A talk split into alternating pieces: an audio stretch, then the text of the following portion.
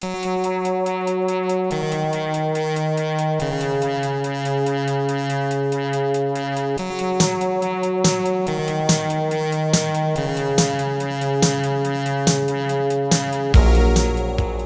to First Draft with me, Sarah Enni. Today I'm talking to Sarah Jae-Jones, whose debut novel, Wintersong, is out now.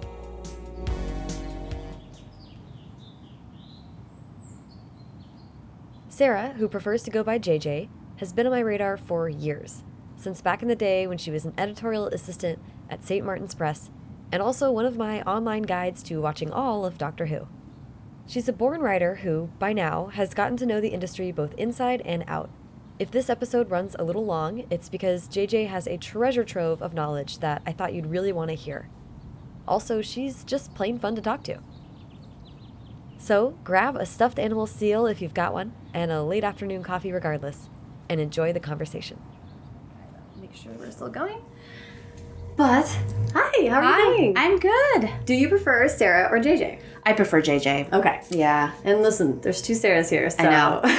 I, I'm sure you feel the pain because I grew up and I went to pretty small elementary schools growing up and pretty small high school, and yet even then, so many Sarahs. So let's talk about uh, uh, growing up. Where Okay. were you born and raised? I was born in Los Angeles and mostly raised in the San Gabriel Valley, so and mostly mostly in Pasadena. Okay. Um, so, so born and raised in Southern California.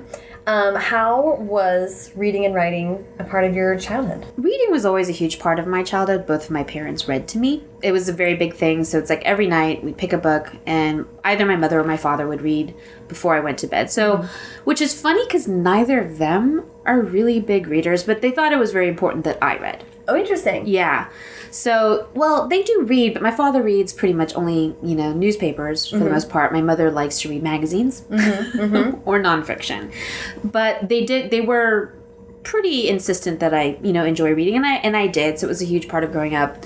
I wrote a lot as a mm-hmm. kid, but that was sort of an extension of being an only child. Oh, okay. Yeah. I mean, I'm actually not an only child, but my little brother was born 10 and a half years after Oh. I was. So for a large chunk of my childhood, I was an only child. Yeah.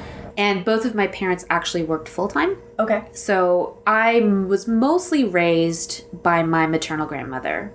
She was Korean, and she spent a lot of her time watching Korean dramas, and so I was kind of left to my own devices, which was totally fine. Mm-hmm. And I, you know, would make up stuff mm-hmm. from the books I'd read as a kid. So I guess it's like proto fan fiction before I knew what fan fiction was. Okay, so you were actually using those characters. I was using those characters. I think for me, one of the earliest quote fandoms that I had known of, or that I was using, I guess, as a thing to play play in, uh, was Anne of Green Gables. Oh, yeah. I loved Anne of Green Gables. So, So. I don't know what exactly it was about it. I guess I just loved the whole like small town thing. You know, she was an orphan, and I wasn't necessarily Anne per se, but I was like in Avonlea, and you know, Yeah. so it was. I was pretending that, and these would get really complicated play scenarios. So then I ended up writing a lot of them down Interesting. to kind of like remind myself where I was in my pretend. I guess. Funny. Okay, so wait, I'm gonna like delve into this. Okay, so so that's it starts with you actually like live acting something Yes. with yourself. Yeah. And then you wanting to remember where you were so you can pick it Yeah. back up. Oh yeah. Oh my god, that's so that's like by the way, the genius of having a childhood where you are left your own device. Yeah. Yeah, nobody questions that when you're an only kid. Yeah. Especially when your grandmother doesn't speak English. So she's just like, oh yeah, you know, she's doing her homework or whatever it was. Right, right. Um, so I did, and we had obviously writing assignments and stuff in school. I do remember my third grade teacher, Miss Patch, but Miss Patch used to assign us Wednesday writing assignments, and so one of them was a what if you woke up and if you were a boy you woke up as a girl and if you were a boy you woke up as a you know all that this gender swapping essentially. And i remember that being kind of unlocking something in my brain that i liked to do the like play with these what if scenarios but more than that i liked to tell them to other people Okay. I wasn't somebody who spoke up a ton in class, you know, but I liked the story that I wrote because I hadn't just gender swapped myself, I gender swapped everyone in the class. Oh. So I this time I did volunteer to read my story aloud and I made the entire room laugh. Um, so that was kind of the first time I realized, oh, maybe that these sort of stories or what if play scenarios that I make up might be appealing or fun for other people to listen to. So that's kind of the first time. I think just the concept that you sort of started writing your own kind of fan fiction also dovetails with this idea of gender swap. Like that's such a thing. Yeah, yeah, because fan fiction is so much of the what if with established characters and worlds and things like that. I'm hugely pro fan fiction. Mm-hmm. So whenever I hear people either say that they never wrote it, I'm like, oh, that's so sad, or they don't read it, oh, that's so sad, or, or authors are like, oh, I don't like when people write fan fiction of my work. I'm like, but why? I don't know. It's just such pure joy. Like it comes from such a pure It comes place. from love, I think. People who create fan works create fan works because they love something. And also, I mean, fans do have a sense of ownership over the things they love, obviously. Mm-hmm. I think we all do. Mm-hmm. But it comes from a place of love. They want to create something. And if you inspire something, if you inspire someone to create something, mm-hmm. I think that's great, regardless of whether or not they use your own characters. Right. Did you ever watch the K dramas with your grandma? I did. Uh, she liked different K dramas than I did. Obviously, my grandmother tended to like the sort of multi generational mm-hmm. sort of family stories with a lot of well melodrama essentially you know like mm-hmm. secret babies and whatever. And my mother tended to like sort of lighter more contemporary romantic comedies. So i tended to watch more k dramas with my mom mm-hmm. than i did with my grandmother who just kind of looked at this and was there's a it's a korean story. It's actually a korean cinderella's kongji Patzzi. Mm-hmm. kongji is the quote good girl Patzzi is the quote bad girl and my mom would always sort of mock the dramas my grandmother watched as Kongji Patzzi stories because Uh-huh. what if if you were good, you were virtuous and good and could do nothing wrong and you were a total martyr and then if you were the Patzzi character, then you're just evil. You're pure evil and there was nothing redeeming or good about you. It was very black or white. Interesting. So yeah. Mustache twirly kind of. Situation. Yeah, and it's usually it's usually a female villain of some kind. It's you know, she's evil, she just is evil, has no redeeming qualities whatsoever. is and and the and the reason I'm asking a little bit is just because that feels like also formative or foundational kind of storytelling also to have those have been around while you're kind of forming your imaginative world. Yeah, I mean it's it's interesting. The the K dramas were sort of always on in the background for me. I do remember as a kid, my mother had gotten me a bunch of Korean fairy tale picture books, mm-hmm. And a lot of them were actually Western fairy tales that they just told in Korean. Mm-hmm. And my mother, growing up, was fairly Westernized, so a lot of things that she read as a girl were things that she passed on to me. Anne was one of them. Anna Green Gables was one of them. Mm-hmm. Pollyanna. Oh yeah. She loved Pollyanna. So, yeah, so my mom introduced a lot of Western works to me, but she wanted to make sure that I knew some Korean folk tales and stuff, so she introduced me to those. Um, so, a lot of things like the Kongji Patzzi story, only other Koreans would understand what I mean by that. There are other sort of fairy tales that are kind of formative to me as well as a kid that I don't think is well known outside Korea. Um. So okay. So uh, sorry. The beginning of, the, of what I intended to ask was um, you go from writing this kind of thing for your own amusement, then realize that maybe other people would be interested in them. Did you start like how did your writing kind of evolve? I wrote a lot, as I mentioned before, fan fiction, kind of even before I knew what fan fiction was. In middle school, in particular, I remember my mother and I watched the BBC Colin Firth version of Pride and Prejudice. Mm-hmm. And I wrote like really terrible Jane Austen knockoffs. Amazing. like really terrible Jane Austen knockoffs. Like in period everything. In period voice, Oh you know, they were like epistolary novels as well. And I changed the font so it looked kind of like old fashioned. Oh yeah. Um, so anything that I liked, I liked. I would try to write my own version of That's so interesting. uh, as a kid because I again I hadn't discovered fan fiction. I didn't discover fan fiction until I was probably twelve or so, and that but that was the advent of the internet. Really, you know, the internet was like, oh my god, there are other people who like to kind of play in these worlds essentially, and then they're writing their own stories. Uh, but I, I mean, writing was not actually my primary creative outlet as a kid. Um, I would I drew a lot for a long time. I considered becoming an animator. I was in a visual arts conservatory in high school. Oh wow. So that was sort of my main artistic outlet, I guess. And so that was mostly what my parents focused on. You were tried to also- encourage. Sorry. Yeah, go ahead. You were also playing music, right? Yes. we had a piano, and I remember I think I was like three or so. I was picking out Yankee Doodle on the piano with just the black keys. Mm-hmm. And I told my mom that I wanted to take piano lessons. And she said, Well, why don't you wait till you're four? Wait till you're four. Oh my god. wait till I'm four. So yeah, I did music all my all my childhood too. I did piano, I played the flute.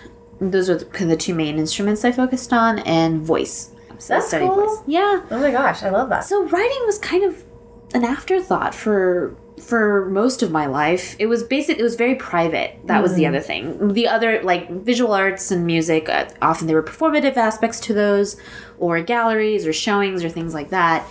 So writing was something that was always very private to me. And but I was in also in a creative writing conservatory in high school. The particular high school I went to had these sort of like arts conservatories is what they called them and you had to audition to get in. Okay, so it's like an honors program kind of thing, or? No it was just a regular they're essentially extracurriculars.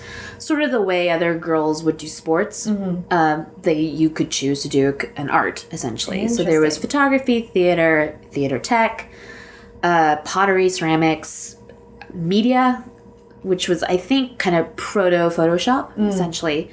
Uh, visual arts which was more traditional media there was a vocal conservatory and a creative writing conservatory wow. creative writing only met on the weekends though Oh, okay. yeah, creative writing was from 9 to 12 on Saturdays.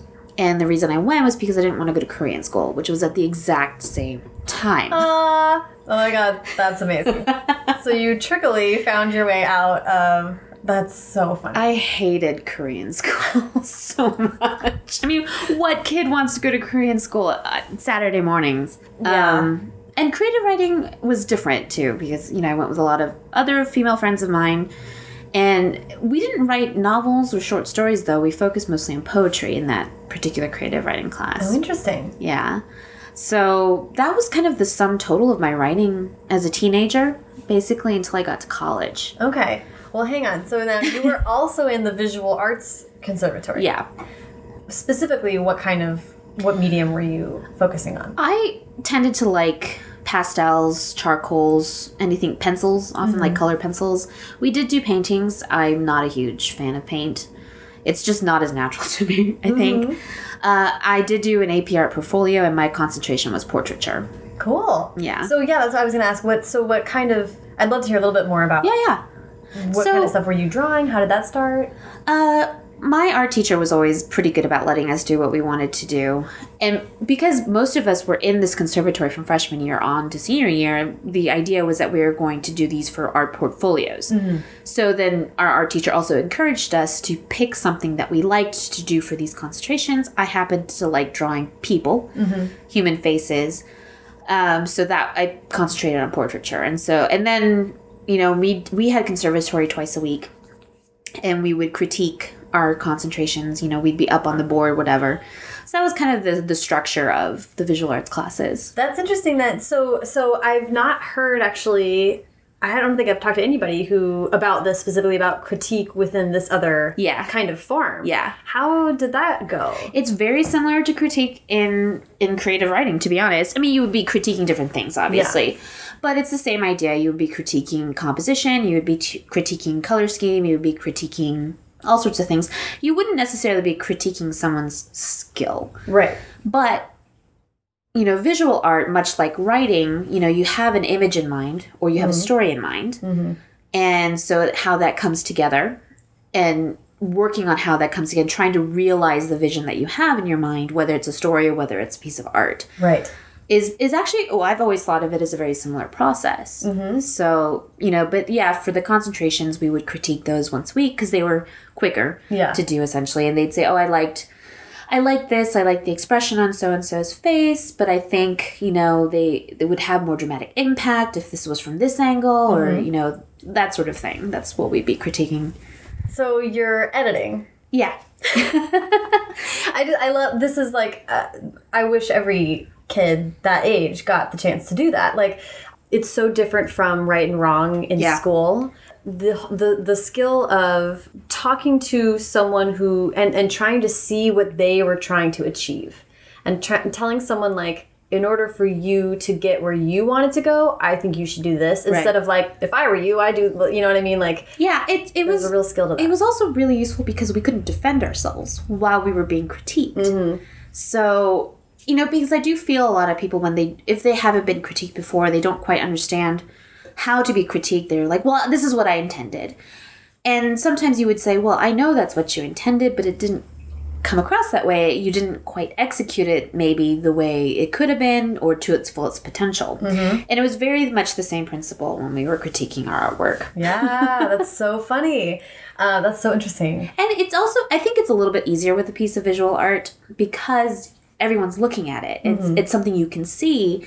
And if someone suggests a different composition or suggests a different expression, you can see it. You Yeah. know, that's a different change as opposed to a story where I think a lot of it is so internal that it does feel like a critique of who you are as Right. a human being. right oh that's so true well and and and i'd love to hear a little bit about it, the fact that with the writing at least it was sort of being maintained in this extracurricular way with a group of friends i like the idea that writing would be this sort of like group activity or like binding people together Yeah, I mean, basically, it was actually sort of the same principle as the art projects. Was we'd go every morning, and our writing instructor would give us a couple of different prompts, mm-hmm. and we'd all write whatever came to our mind, and then we would share them with each other. And then again, of course, we would critique each other. It was obviously different there because we would be critiquing poetry, and right it's a little bit different. Um, you know, we but we find things to critique and good things to say about work, the work, and all that sort of stuff. And often we would break off into small groups and do that as well. So it wasn't quite as collaborative, but I did co-write fan fiction in high school, but that was slightly different. uh, about what it was Harry Draco fan fiction. amazing that's the best um what so what other fan fiction like tell me all of this so the very first fandom I think I was actually ever in was the X Files. Ooh, Yeah, love it. I'm old.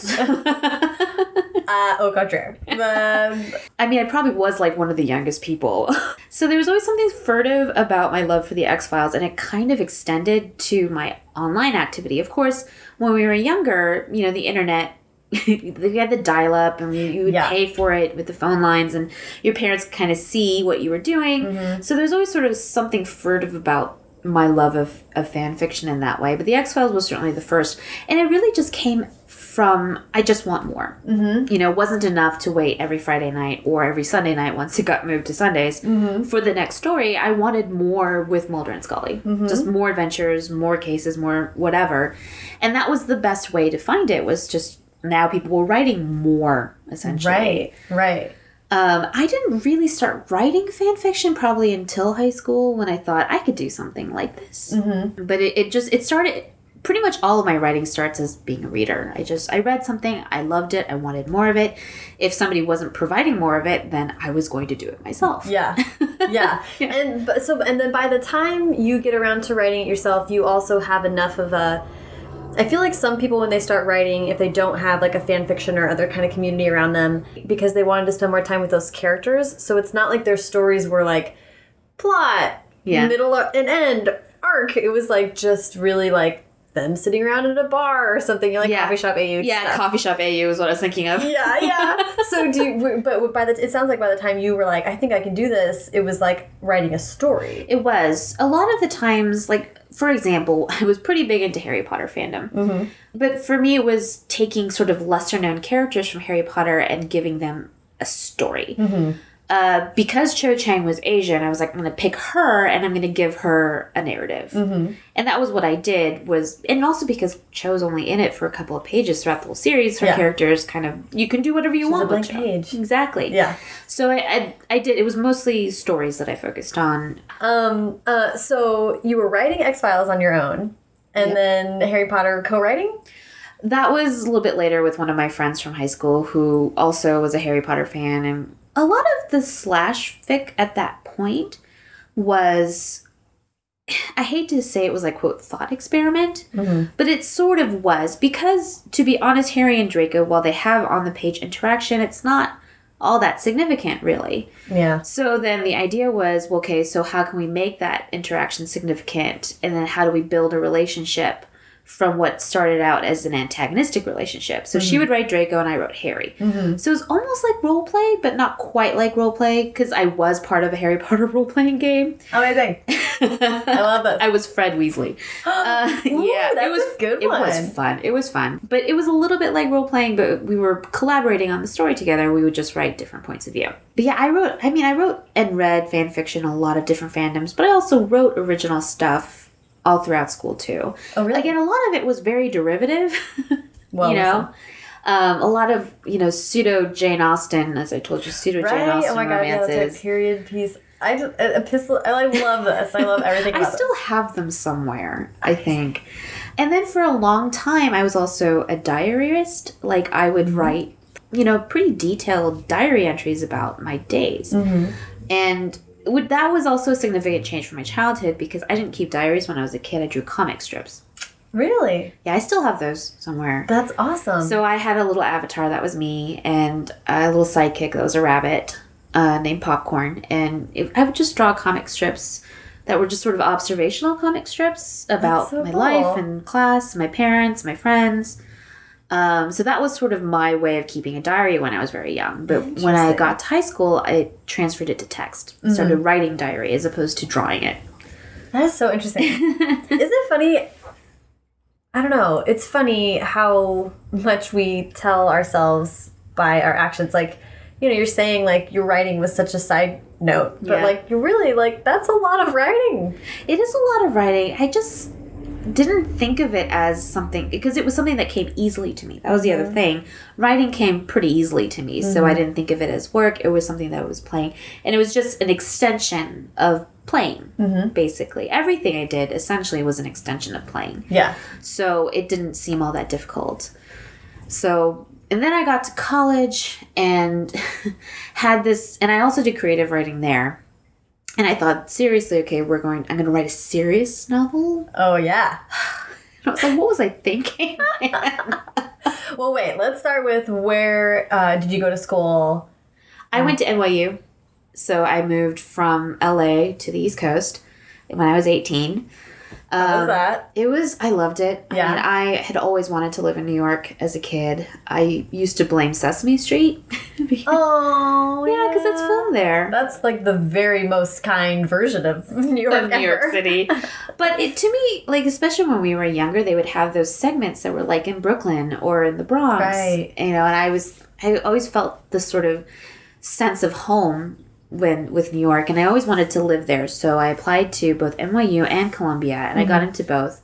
But I got a scholarship to NYU. Yeah, and I like that NYU didn't have a campus. It's essentially integrated into lower Manhattan, not like Battery City or anything like that, but around the village. It was pretty well integrated into that area. Yeah. And I liked that sort of false sense that I was living in New York. Yeah. You know? I don't. I mean, that's not false. You were. I was, you but like on my own, living in New York, my own apartment, that kind of Yeah. that sort of idea. So I went to NYU. I studied. My I was an English major. I started. I majored in English right away, but I also took uh, creative writing courses while I was there. And the whole thing about being an English major, it did make me a little bit ashamed of genre. Mm. You know, right? You're reading all the the canonical dead white dudes. Yep. And creative writing, too, was generally populated by a lot of aspiring literary writers, and also because the teachers were MFA students at the NYU program, and a lot of them also focused on literary fiction. So that sort of shifted what I was writing at the time, that it no longer became an extension of playing, Right. and it just became this thing that I felt like I had to write like an important novel. Right. right. You're 18. You just moved to New York, and it's like, don't you have something to say about the human condition? Right. Which is kind of hilarious. So we ask or assume that that Yeah. anyone. I mean, it, I do. I am grateful for that experience in many ways because it taught me a lot about form, mm-hmm. writing form and craft. Mm-hmm. That you know, generally growing up, I didn't take as many craft courses essentially. So I, I appreciate it for that. And it did take me a long time to sort of untangle this kind of feeling of shame that I shouldn't be liking genre or children's fiction Right. Right. Right. because in order you know i'd be reading a lot for my english major classes but i ya was kind of becoming a th- more of a thing during college and in between the tomes that i had to read for school i would go back to my childhood favorites and i just never really left the children's section of the bookstore, mm-hmm. essentially. But thankfully, the children's section just kind of kept expanding. Kept growing, kept growing. just kept growing with Yep. me. And by the time I left school, YA was pretty pretty well established. Not as big as it was as it is now, for sure. right, But right. you know, there was a dedicated section of the bookstore with, you know, fairly well regarded authors. So that was kind of great for me in that way. And and I never really had any shame associated with children's literature. I think partially that was because of Harry Potter and so much of us had grown up with it. Right.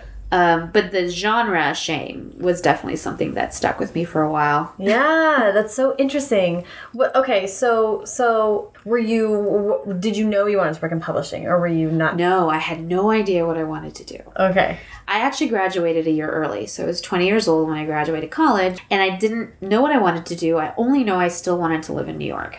So my parents were pretty good about it. They were, but though they said basically, so you're on our you know payroll for three months mm-hmm. and find a job, Get otherwise you're coming home. that's hey, that's very fair. So I, you know, I assumed with an English degree, maybe I would go to law school. So I applied for work at different law firms was a paralegal for a couple of years. Oh, really? Wow. Well, not even, not even. To be honest, I hated being a paralegal. yeah, that is not for a creatively minded person. That doesn't. And the hours are terrible. I mean, my first job out of college, with all factoring all the overtime that I did, I was making six figures, but Wow. I had no life. Yeah. you know the work itself was extremely dull and repetitive and Yeah. it, and it didn't require me to use any of my writing skills in any significant way Mm-hmm. i think law school itself is different but working at a law firm not so much Right. so i didn't like it so i left but at that point i had i worked in corporate law so the Oh, wow. the corporate experience the financial experience translated into a financial analyst job Oh yeah. Okay. so Where you were writing. i was Or- writing on the side Okay. uh, but my job itself, because I didn't really know I wanted to either work in publishing or be a writer. Mm-hmm. I just assumed that it, for most of my life, as it had been, it was going to be a hobby, mm-hmm. just something that I did to enjoy myself. Mm-hmm. Um, but I think so. I was working in finance at the time, and I remember reading Kristin Nelson's blog Yeah. pub rants just more about publishing itself. And and i wanted to get back into writing. I wanted to share writing. So i actually met a group of women and we formed a sort of a critique group. And this is where i met my podcast co-host kelly. And we would meet and we would critique our stuff together and at that point i actually made a very conscious choice i was like all right i'm going to write children's fantasy because it just didn't want to write an important book. It felt like work, right? Mm-hmm. Every time I opened up my document, and I still have that, you know, quote, great American novel somewhere, and Yeah. it's terrible. It's never going to see the light of day. Uh, But, you know, I, I made a very conscious choice. I'm going to write something that I would have wanted to read as a kid. Mm-hmm. And that's sort of my philosophy about writing now. It's still an extension of play. yeah. So at that critique group, I was like, all right, I'm going to write kids fantasy. But that was still kind of, you know, on the side. You know, I was still working in finance during the day, and so my I had a hobby on the side. Kelly worked at Writer's House, Oh, so wow. she did work in publishing. Um, and she was, you know, so we got to do readings and stuff with our critique group, and I met some people who did work in publishing, and it seemed like a really cool thing to do. Um, but I'll be completely frank, publishing pays terribly. Absolutely terribly. And I was making a lot more money doing what I was doing. So I was like, I don't know if I want to take the pay cut, even though this seems much more interesting. Right. It would be about half of what I was making at that point. That's rough. But ultimately, that decision was made for me because 2008 happened. Oh yes. Wow. But it was, I was lucky because I it kind of freed me up a little bit. You know, I was I was on unemployment at that time, mm-hmm. so I could draw on the unemployment. But you know, I interned at Writer's House, Oh yeah. Okay. and that was my. I kind of got forced into publishing in some in Right. some ways, but it was just kind of serendipity. It just all lined up Yeah. perfectly in that way. So Yeah. I, that's how I got into publishing. So I, I saw it first from the agent side. Mm-hmm. I interned for Al Zuckerman, who is the chairman of Writers House. Mm-hmm. He is older, so he wasn't quite as active as taking on new clients. Mm-hmm. So I actually spent a lot of my time reading client manuscripts for him and writing up what they called readers' reports. Mm-hmm. Al was Al is very editorial, and so he would take me out to lunch and we talk about it. And he he thought my critiques and readers reports were really good, so he would actually just forward them straight on Oh wow. to his clients. What a compliment. yeah, it was it was very very nice. But it it, it was the first time I realized how much I loved to edit. I loved talking stories with people and what makes a good story and what makes a story stronger. Um, so my internship was over, and I happened to get an editorial position at St. Martin's Press. So I transitioned from the internship to being an editorial assistant. That's so cool. Yeah, so it was, you know, I mean, pay was terrible, but I was pretty happy doing what I was doing. Yeah. You know, and, and that's how career wise I got into publishing. Yeah. Slightly by accident.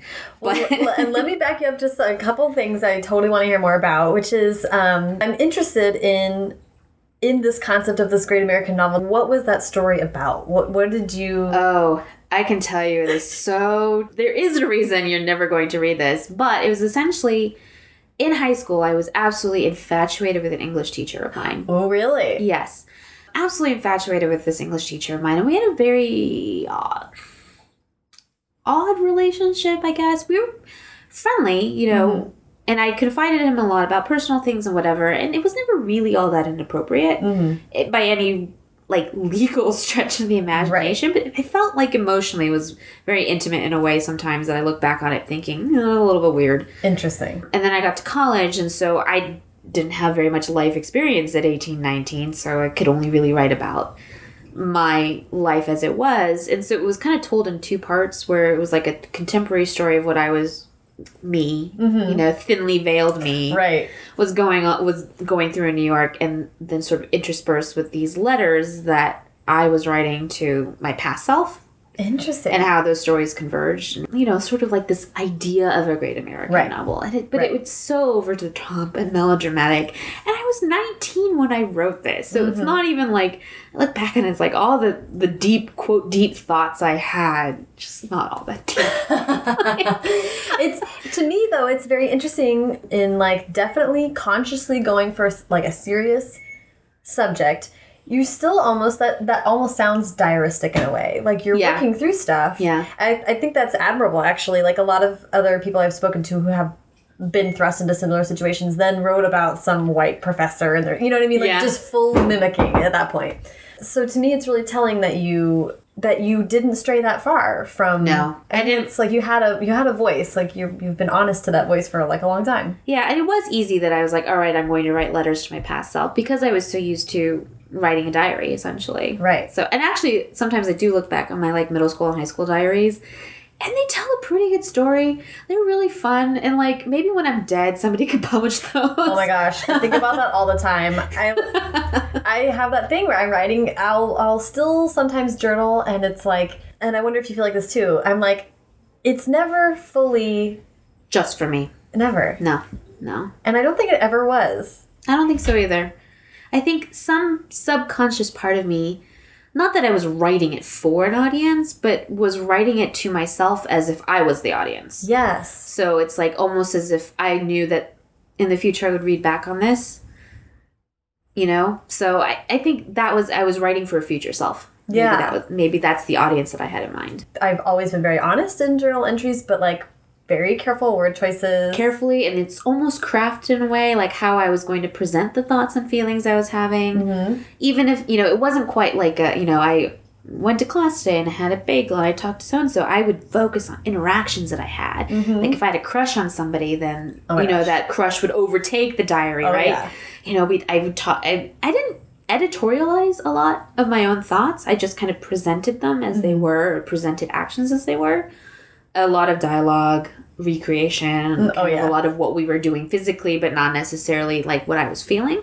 oh interesting yeah yeah yeah okay And in that regard, I think I was writing for my future self Mm-hmm. because I almost knew that if I would put too much of my hopes and dreams in this interaction, then I could, then it was going to color my future self's view of it. Oh, that's so interesting. that's funny. Ooh, that is really interesting to think about. How much we editorialize for ourselves in that way is very crazy. I'm a pretty solipsistic writer in that I don't really write for an audience. I always write for some version of me. Mm-hmm. Mm-hmm. Like you would you say like you said you wanted to write the kind of story you would have wanted to read as yeah. a kid. Yeah. sometimes people are like, I wrote this for my son or something like that. Right, like people right. have like nieces, nephews, someone.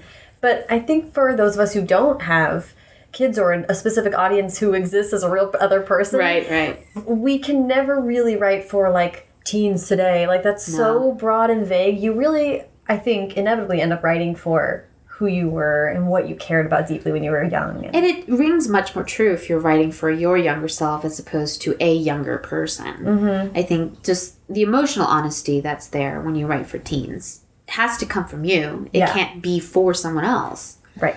Or at least in my opinion, I can sort of sense when it's not for you. Yeah, when it's getting a little. Sometimes you'll read something and I'm like, this isn't. Yeah, no, I don't really like. it's not emotionally true. Yeah, and we'll, we'll get to this, but I but there was a quote that you um that you had about Wintersong that was.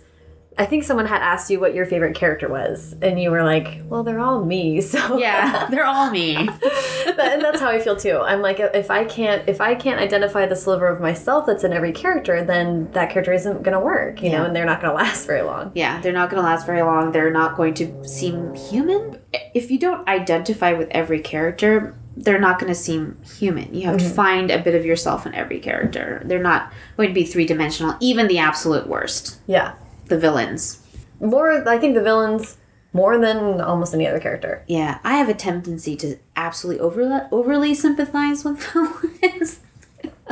Yeah, which we're also gonna get to. That actually is a big part of um, Wintersong, I think. Um, so let's let's. Um, but I do want to hear more about. Well, part of, of, of the story, the your chronology you just gave that I find so interesting too is that like you have a job and you're but you're still finding time to write for fun and not but not only that like finding a writing group where you're like Yeah. actually engaging in real critique and like it's just so funny like the all of that is optional it's your free time and you and you're obviously choosing to spend it with you're still passionate about writing and reading Yeah, I mean, I look back at myself and I was like, it's so much more energy. I do now. it's true i mean you're when that is like the time to figure out what the heck you care about it reminds me of saturday mornings yeah, at creative writing. yeah I, I tend to look for that community wherever I am, trying to find somebody to talk to writing about because it's a lot easier to do that in person. Mm-hmm. I mean, you could obviously do it online, but it is easier to talk about it in person than it is sort of over email. it's so different Yeah, it is very different. This is the reason I insist on Podcasting. I, right. I insist on and and podcasting in person. I mean, Skype is absolutely like yeah, so yeah. much similar But being able to see somebody, I think, is a is a very big big thing for me. it's not the same. It's not the same. I mean, the same thing when I was an editor and I would write editorial letters. I'd write long, detailed editorial letters, but I always insisted on getting on the phone mm-hmm. after they processed it. Mm-hmm. Because it's easier to talk it out than Yeah. it is to write it out in mm-hmm. that way. And, And more natural. more You natural. can give and take. Right, and it can sort of direct the author to come up with ideas on their own, or mm-hmm. you know, if if I say, "Oh, I have," you know, this wasn't working for me, and then I would kind of talk through why, and they often came up with the solutions as we were talking back and forth. Mm-hmm. I preferred that than to just be like, "Here's my editorial letter." Yeah. like these are the things that I think we could work on or polish or strengthen in your book and that's what I would write in the editorial letter and I would mm-hmm. maybe have one or two specifics but the specifics I really would get to on the phone. Yep. yeah, that makes so much sense. Yeah. So so let's dive into that a little more. So you wind up I mean, through the course of working at the agency, did you feel like okay, the editorial side is like really what I want to Yeah, I just loved editing. I wasn't as as big a fan of the idea of having to sell things to people. Yeah, that is a real different skill set. It is. I mean, a lot of the best agents and my agent friends who are good at it, it's they're basically the people who recommend things that you might like to read, mm-hmm. and they're good at it. yeah, yeah, because because that's that's like almost the rosiest part of what they do, and Yeah. the the sort of like literary matchmaking. Yeah. and then there's like contracts and stuff. That's. I mean, the business side of publishing is really awful. Yeah, the business side. Let's be real. The business side of anything is really awful. It is. It is. And I mean, I used to joke if I wrote a memoir about my time in publishing, it would be called Required Drinking. Or every step of this process is the worst. I like that. That's not a bad title. It, it and I think because a lot of publishing is an industry of taste, right? Mm-hmm. And but moreover, it's an industry run by committee. So I approach it from the a- acquisition side. Mm-hmm. You get something from an agent and you like it. It then it's the worst because then you have to send it out to your colleagues and Right. hope they like it. Right. Uh, and if they don't like it, then you have to reject it. Right. But if they do like it, then you have to take it to editorial board, and that is the worst because now you have to convince the people who write the checks essentially to buy it. Right. And if you can't do that, then you have to go back and re- reject. And even if you love something, if Right. you know the powers that be say no, then you can't buy something. So Yeah. there's all these kind of stops along the way to acquiring a book. Mm-hmm. And and it's it's so weird, and that's why being in person I feel is important because sometimes you go to an editorial meeting and you know people would be bringing up various projects. You can almost read the mood of the room, like people are not really into it. Yeah. And so you kind of know that it's going to be an uphill battle to try and convince them to give you some money and Right. to acquire this thing that you love. You know. and you have to I, I can i can imagine in that situation it's going to be clear when you are so passionate about something and that could maybe win people over like you get to show them like if your eyes are sparkling over something that changes things yeah, and the actually editing, which is the part I loved about being um, working in publishing, takes up such a small fraction of the actual job, mm-hmm. and that's what makes it so exhausting. Is because you're always doing other things. You're and and I said I didn't want to be an agent because I didn't want to sell something, but that you kind of have to do that as an editor too. You have to sell what you want to acquire to the marketing team, to you know your publisher, to the other editors. You're gonna have you're pitching that project and say, I love this because of this. I think it's comparable to X title, and I think we can push break it out here in the market. Mm-hmm. You have to have a vision for it before you even try and buy it. yeah So, and that it was a lot of the day job part of being in publishing. The nine to five part was that you were at meetings, you were reading for other people, you were trying to convince other people to get on board with your book. And if- Right. once you finally acquired it, which is hard, mm-hmm. once you finally acquired project, all that editing happened at home. Yeah So, and on the weekends and on the weekends. oh boy a lot of work Yeah. uh, and during all that time were you still writing on your own Yes. how did you find the time to do that I look back on that as well, going, I don't know what I what was I doing. Um, I did actually think I wrote a lot on my commute. Uh, I had an iPad at that point. I would just sort of there's a program called there's an app called Simplenote that you can sort of sync to a cloud and you can access the browser version anywhere you are, and also Dropbox. Yeah. Scrivener has the like sync to Dropbox function.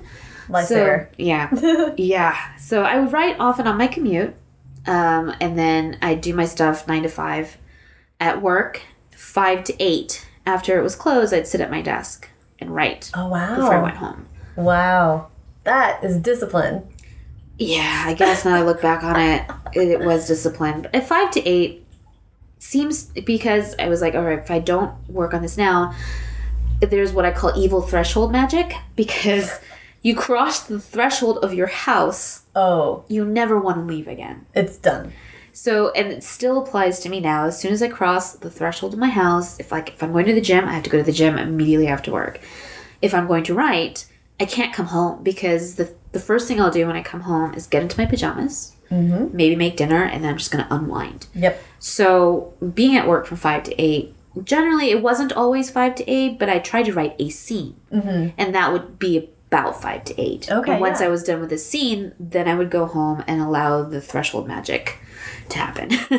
I love evil threshold magic. That's probably my. That's absolutely going immediately into my lexicon because that's how I feel. So talk me through not being an editor anymore, and then deciding to go forward with continuing to do your writing on your own.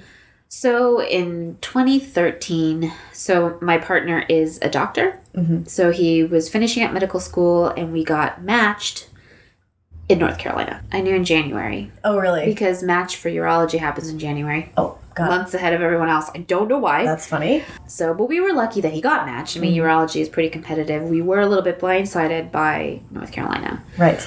So we moved down to North Carolina together, which was kind of cool. And I didn't really know what I was doing. Mm-hmm. And I was look, just looking for any old job, more or less.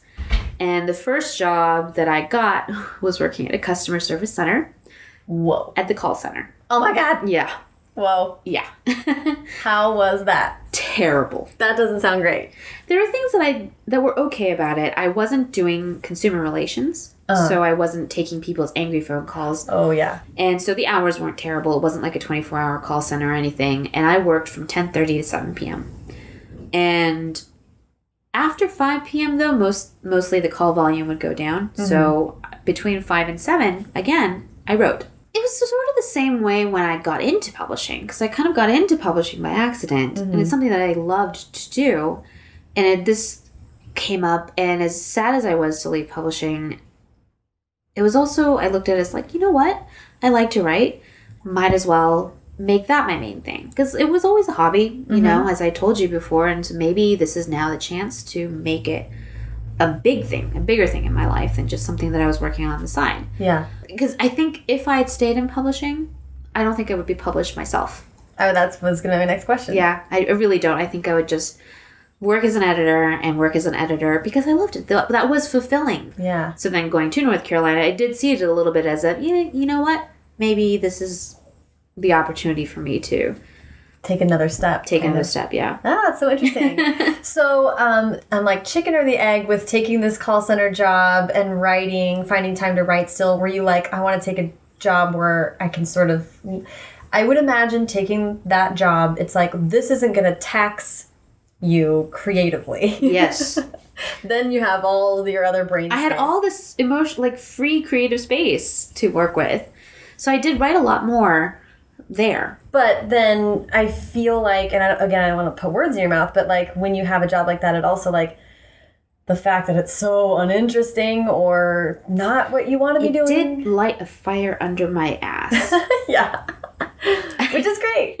yeah, I mean, I, I'm grateful for that. Right. Because because this job was so unfulfilling, I was like, well, I need this to take off now. Yeah. yeah, yeah, yeah. It's like when you sometimes when you're going for a run and you just need to listen to like angry music because Yes. they're like the only thing that's going to get me out of the house today is rage. yes, exactly. The only thing that will push me through this last half mile is just, you know, anger. yes. Why am I here? I hate this. Let me just get to the finish line. It was. I mean, I did write Wintersong because I hated that job so much. Mm-hmm.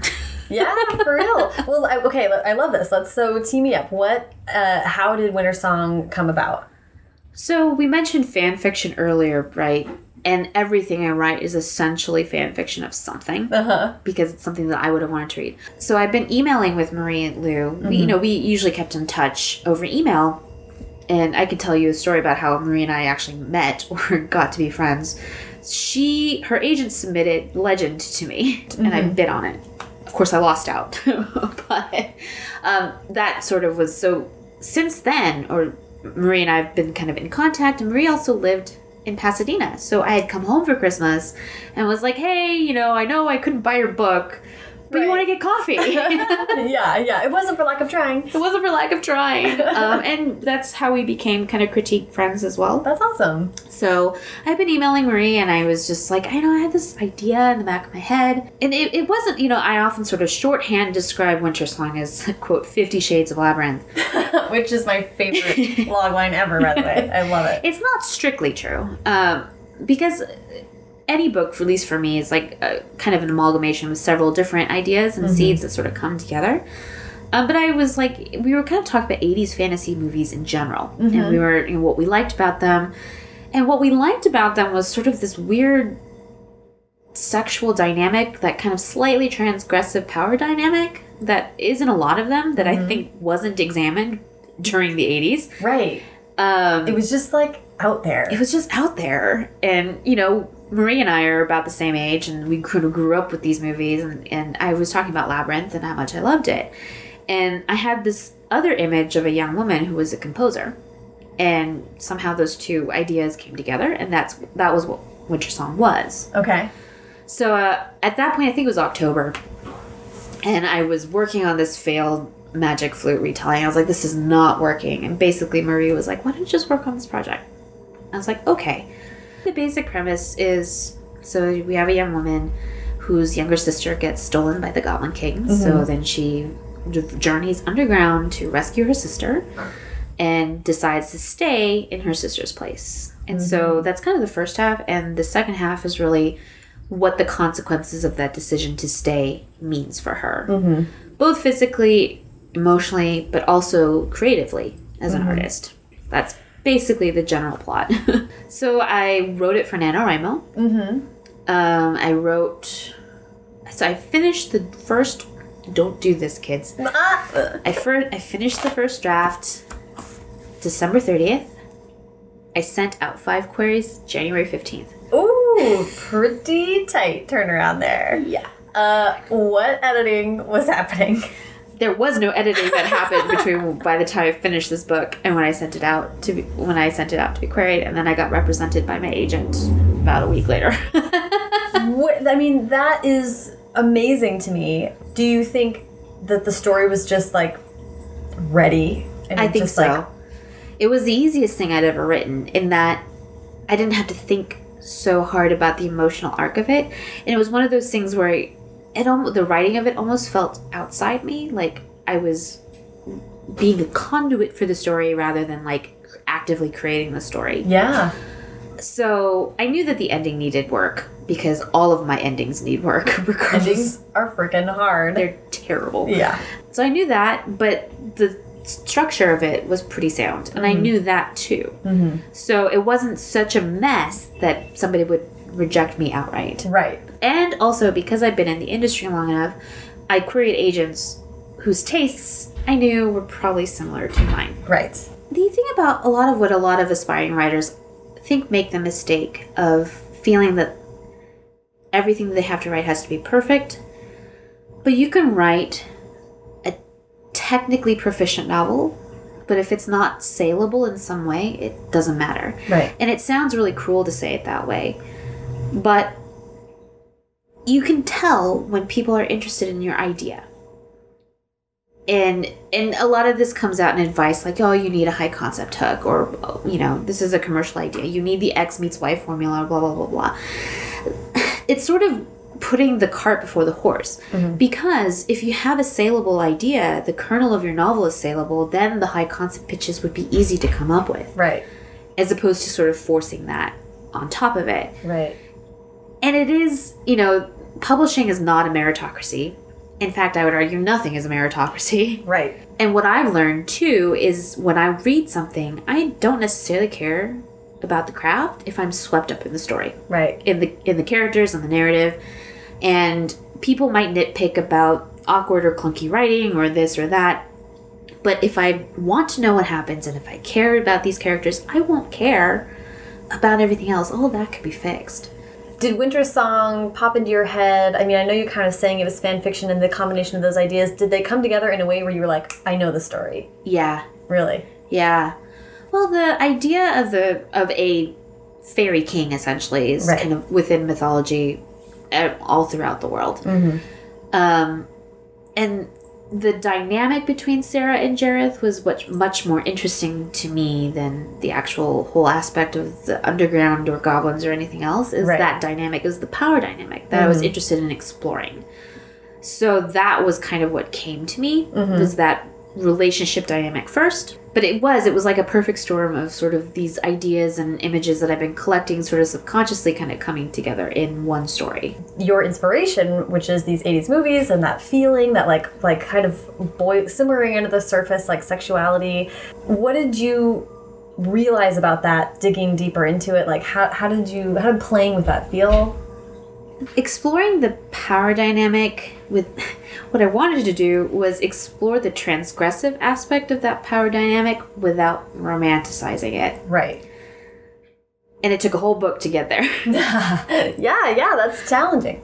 well, like I I basically I put when I was working on the magic flute and a lot of Wintersong is actually my love of classical music that I had hoped retelling the magic flute would bring out and it didn't. Right. So her Liesel being a, a composer brought out the music aspect that I, I think I've been trying to get to with the previous work that didn't happen. But exploring the the transgressive act of it, I basically told Marie I was like, I'm just gonna write erotica because I'm going to give myself permission, essentially to not care if it's good. Mm-hmm. And not that erotica can't be good, because there's a lot of really great erotica works out there Yeah. and being written today and you know like i love Tiffany Reisz Mm-hmm. and sierra simone like a lot of really great erotic uh, writers and books out there but i just wanted permission to write terribly Yeah, sex and YA is challenging. Yeah. So thinking about it as erotica maybe gave yourself a little more freedom to see what was there. Yeah. And the challenge of writing sex scenes for me anyway is a lot of times I'll read books with sex scenes on the page and it's just clinical and not interesting. Mm-hmm. Or on the flip side, it's all flowers Right. and, you know, blooming and all that yeah, sort of two kind of clouds joining or something. Yeah, it's a little bit too obtuse. Mm-hmm. And so it's either too clinical and too obtuse. And I really wanted to write sex scenes that I thought were realistic emotionally, but also kind of sexy. You know, mm-hmm. like just. And what does that mean to me, essentially? What do I think is sexy in a sex scene? As opposed to reading all this sort of clinical stuff or, you mm-hmm. know, metaphorical wildness yeah, on the other. glitter and unicorn nonsense. Right. Yeah. And I didn't really think of it as YA at the time. So, mm-hmm. you know, it says I'm going to write erotica, give myself permission to not worry about whether it was going to fit into a market, whether I just focus on what made me happy in that sort of pretend play world that I mentioned before. And of course, as- as- over the course of writing this book, they didn't. I don't think they even kiss until like sixty thousand words in There you go. Um, because I was more focused on the relate building up the relationship to get to the sexy times, Earning it. essentially Yeah, you're earning it. earning it. Um, and over the course of that was when the story started to change. It was less I'm giving myself permission to just write fluff, and became a real book, more or less. I feel like that's actually really great advice to let yourself find the story. yeah, It sounds like you kind of tore down some fences and then a path became clear on the way. I think inhibitions are really hard to get over for a lot of writers. You know, you, you're stymied by this notion that, okay, it has to be good. It has to have a three act structure. It has to have a midpoint. It has to have an inciting instant, blah, blah, blah, blah, blah. And you're so focused on what it has to have, you're not really focused on what makes it breathe, what makes it live as a story, what excites you about it. Mm-hmm. And when I folk like a lot of the structural stuff i think comes instinctively to writers. I think going to class and taking classes on craft and learning about structure and craft helps sharpen those skills. But those of us who are inclined to write i think the rhythm and beats of storytelling come instinctually. Mm-hmm. And if you overthink it i think it just kills the life out of the book you're trying to write. Oh my god. overthinking it for me anyway. A lot of you know plotting works for a lot of people and i wish i had that ability. I feel like it'd make my life easier. Right. but for me i need to discover as i write. And i'm a discovery writer is what i call it. You know you the first draft is the ur draft. It's just me figuring out who the characters are what their relationships are with each other. And then i basically have to rewrite it. But i have the pieces there then i can now put it together And you know way. who you're dealing with. yeah I mean, what surprised you about it? Where the fact that you didn't know where it was going to go, and then it became this kind of dark fairy tale thing. I mean, So everything surprised me about it, but I think the thing that surprised me most about it. So my protagonist is a composer. I don't compose at all. okay, Um, I I play music. I enjoy music. I study music, but I do not compose. But her process of writing music at that I didn't see it then, but was sort of mirroring my process of writing this book hmm.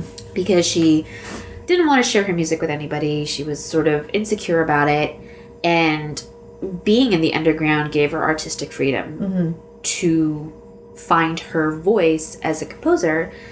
And so by the time she ends the book, she has a more complete self of who she is as an artist. Mm-hmm. So that sort of subconsciously mirrored in my own life and that was i kind of put that into the book. Mm-hmm. and a lot of my own creative process is also grafted into her composing process so i might not know how to compose necessarily. I know like the technical aspects of it. Right. but write what you know right? So i know what my creative process is so i gave that to my protagonist.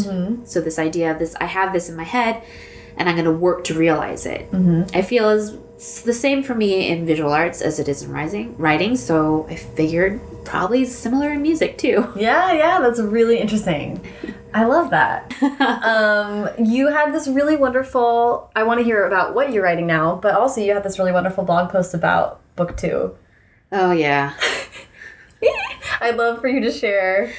I am working on the sequel to Winter Song. Um, so Wintersong was in fact bought as a standalone novel, and we pretty much edited it, worked on it. My editor and I worked on it, trying to get the emotional story to a close. You know, so if, if all the plot stuff wasn't necessarily wrapped up, emotionally, it felt that there was you know closure at the end of that journey. Um, and then everybody liked it, I was, so like, what is the next one? And so they bought, and I kind of knew that there was, if I w- wanted to, there is a part two, to- two to the story. So, okay, I have this idea. Um, so they bought book two from me, and I started writing it, and it is very different writing under contract than it mm-hmm. is writing under spec. And I mm-hmm. think now that I've talked with you, when writing was a hobby, it didn't need to do anything but please me. Right. I didn't need to do anything about this except please myself and write the book that I wanted to write for me. Mm-hmm. Writing under contract, the principle should still be the same that I'm writing for me, but there is now expectation placed on what I'm writing that is just a different mindscape to navigate, really Yeah.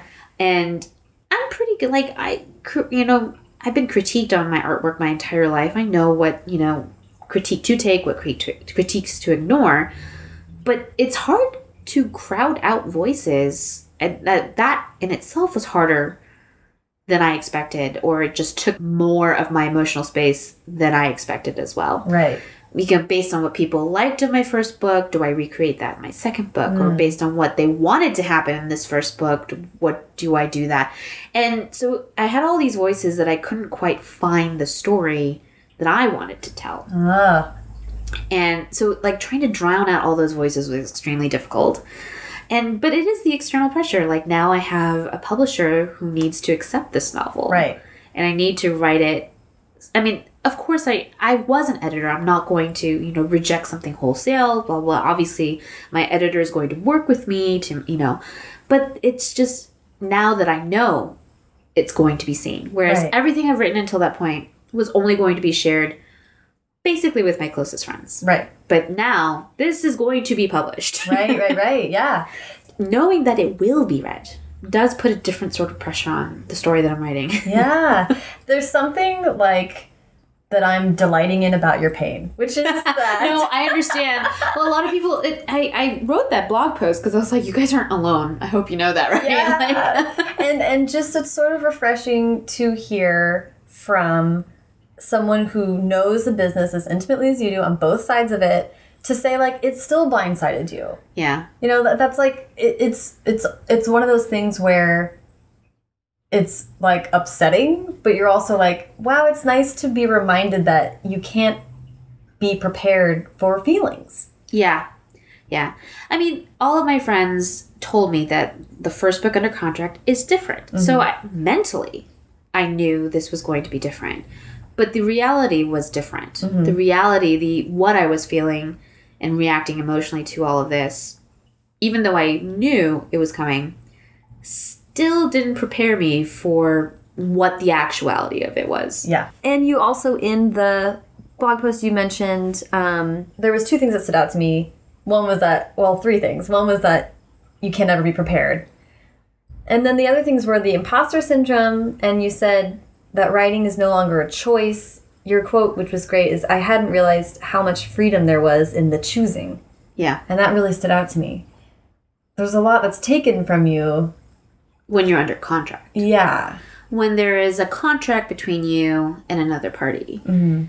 it does take away, not necessarily take away the choice, but, you know, if I didn't like the way the story was turning out, as I had with previous things, I could table it. Right. But I can't do that with this book because it is under contract. So Or that choice is taken away. And, and like you're saying, the choice is still there, but now it's almost like that choice never had consequences Yeah. before. Yeah.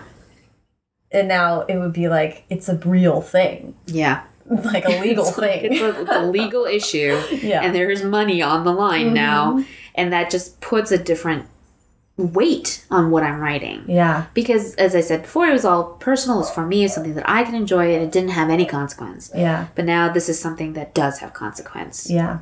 because money Right. because money. But, and yet at the same time, you're feeling like an imposter even though it's the situation for the first time where you're like, people want to read what I'm writing and are paying me to write what I'm writing, and yet paradoxically, paradoxically that just makes me feel like I didn't deserve it or I didn't I'm not good enough or I'm not, you know, or it was all a mistake, it was a fluke. right, right, Uh, and I know this affects women far more than it does men. Mm-hmm. Um, and I generally have a pretty good opinion of myself. And yet, and yet, it still blindsided me. yeah. It's really, it's, it's almost. I mean, I'm just like um, very like pleased that you wrote about it because I think you are giving voice to yeah, like we said, like what a lot of people feel. I think that's the thing about being a writer. If you don't know what the process is, it's so isolating mm-hmm. because not everybody is that transparent about the work. Mm-hmm. You know, the the persona you put online, your social media presence or whatever, it's what my friend Rosh says is a highlights reel of your life. Mm-hmm. You're not going to see all the hard parts of it because as you know, in our own journals we sort of editorialize and present how we want to show Yep. our lives to ourselves. And giving voice to the doubts and uncertainties i think every writer has them but we just don't share them as freely with each other as mm-hmm. maybe we should or could.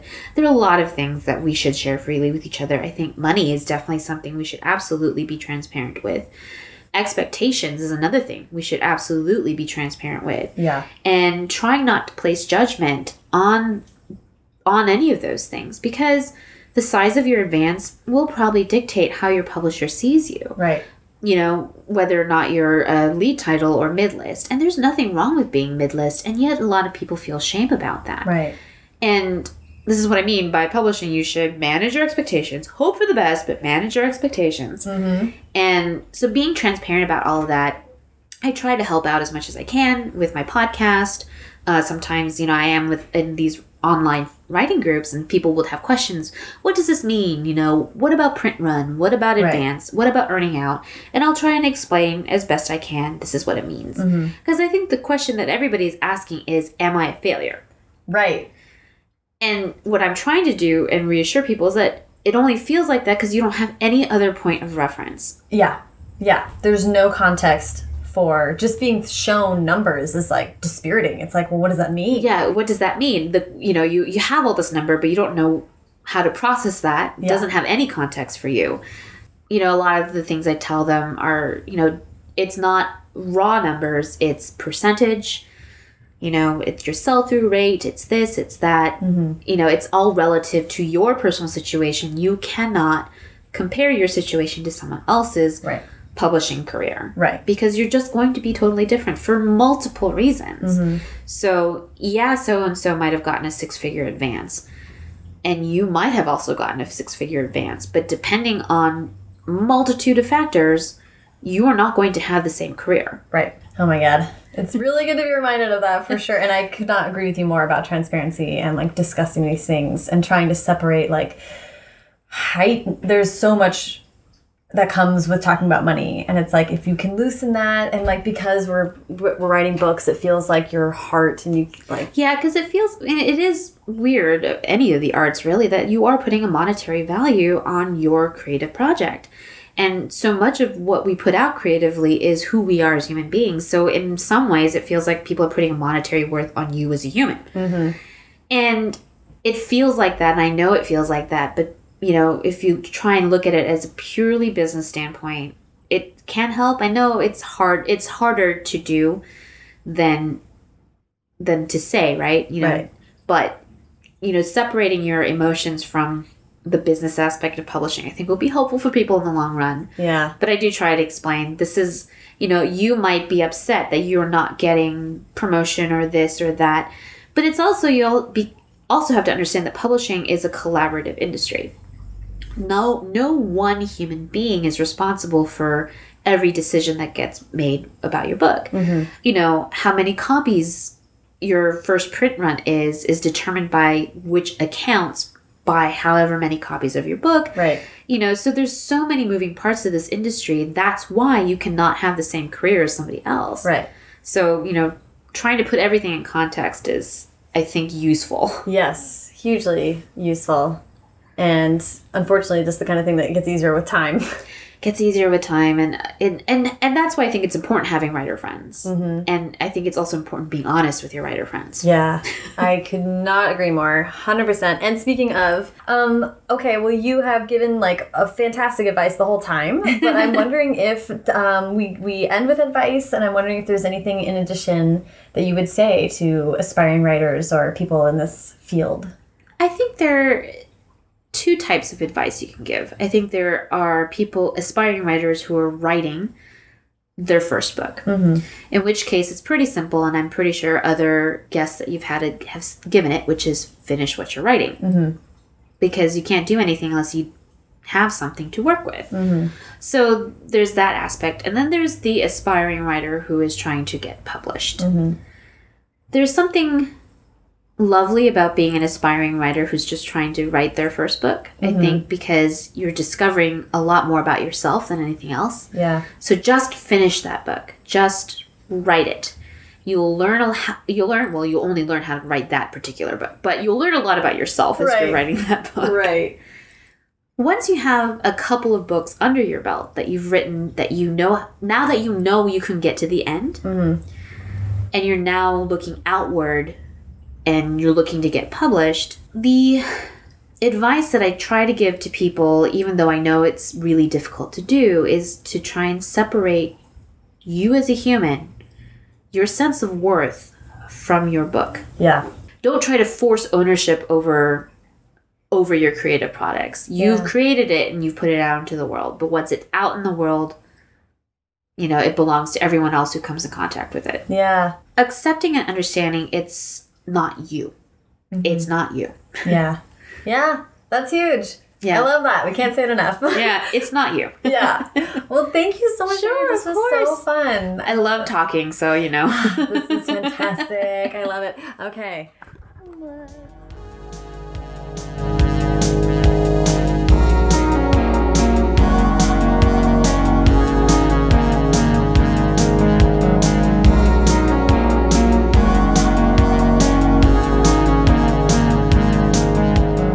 So much to JJ. Follow her at SJ Jones. That's S J A E J O N E S.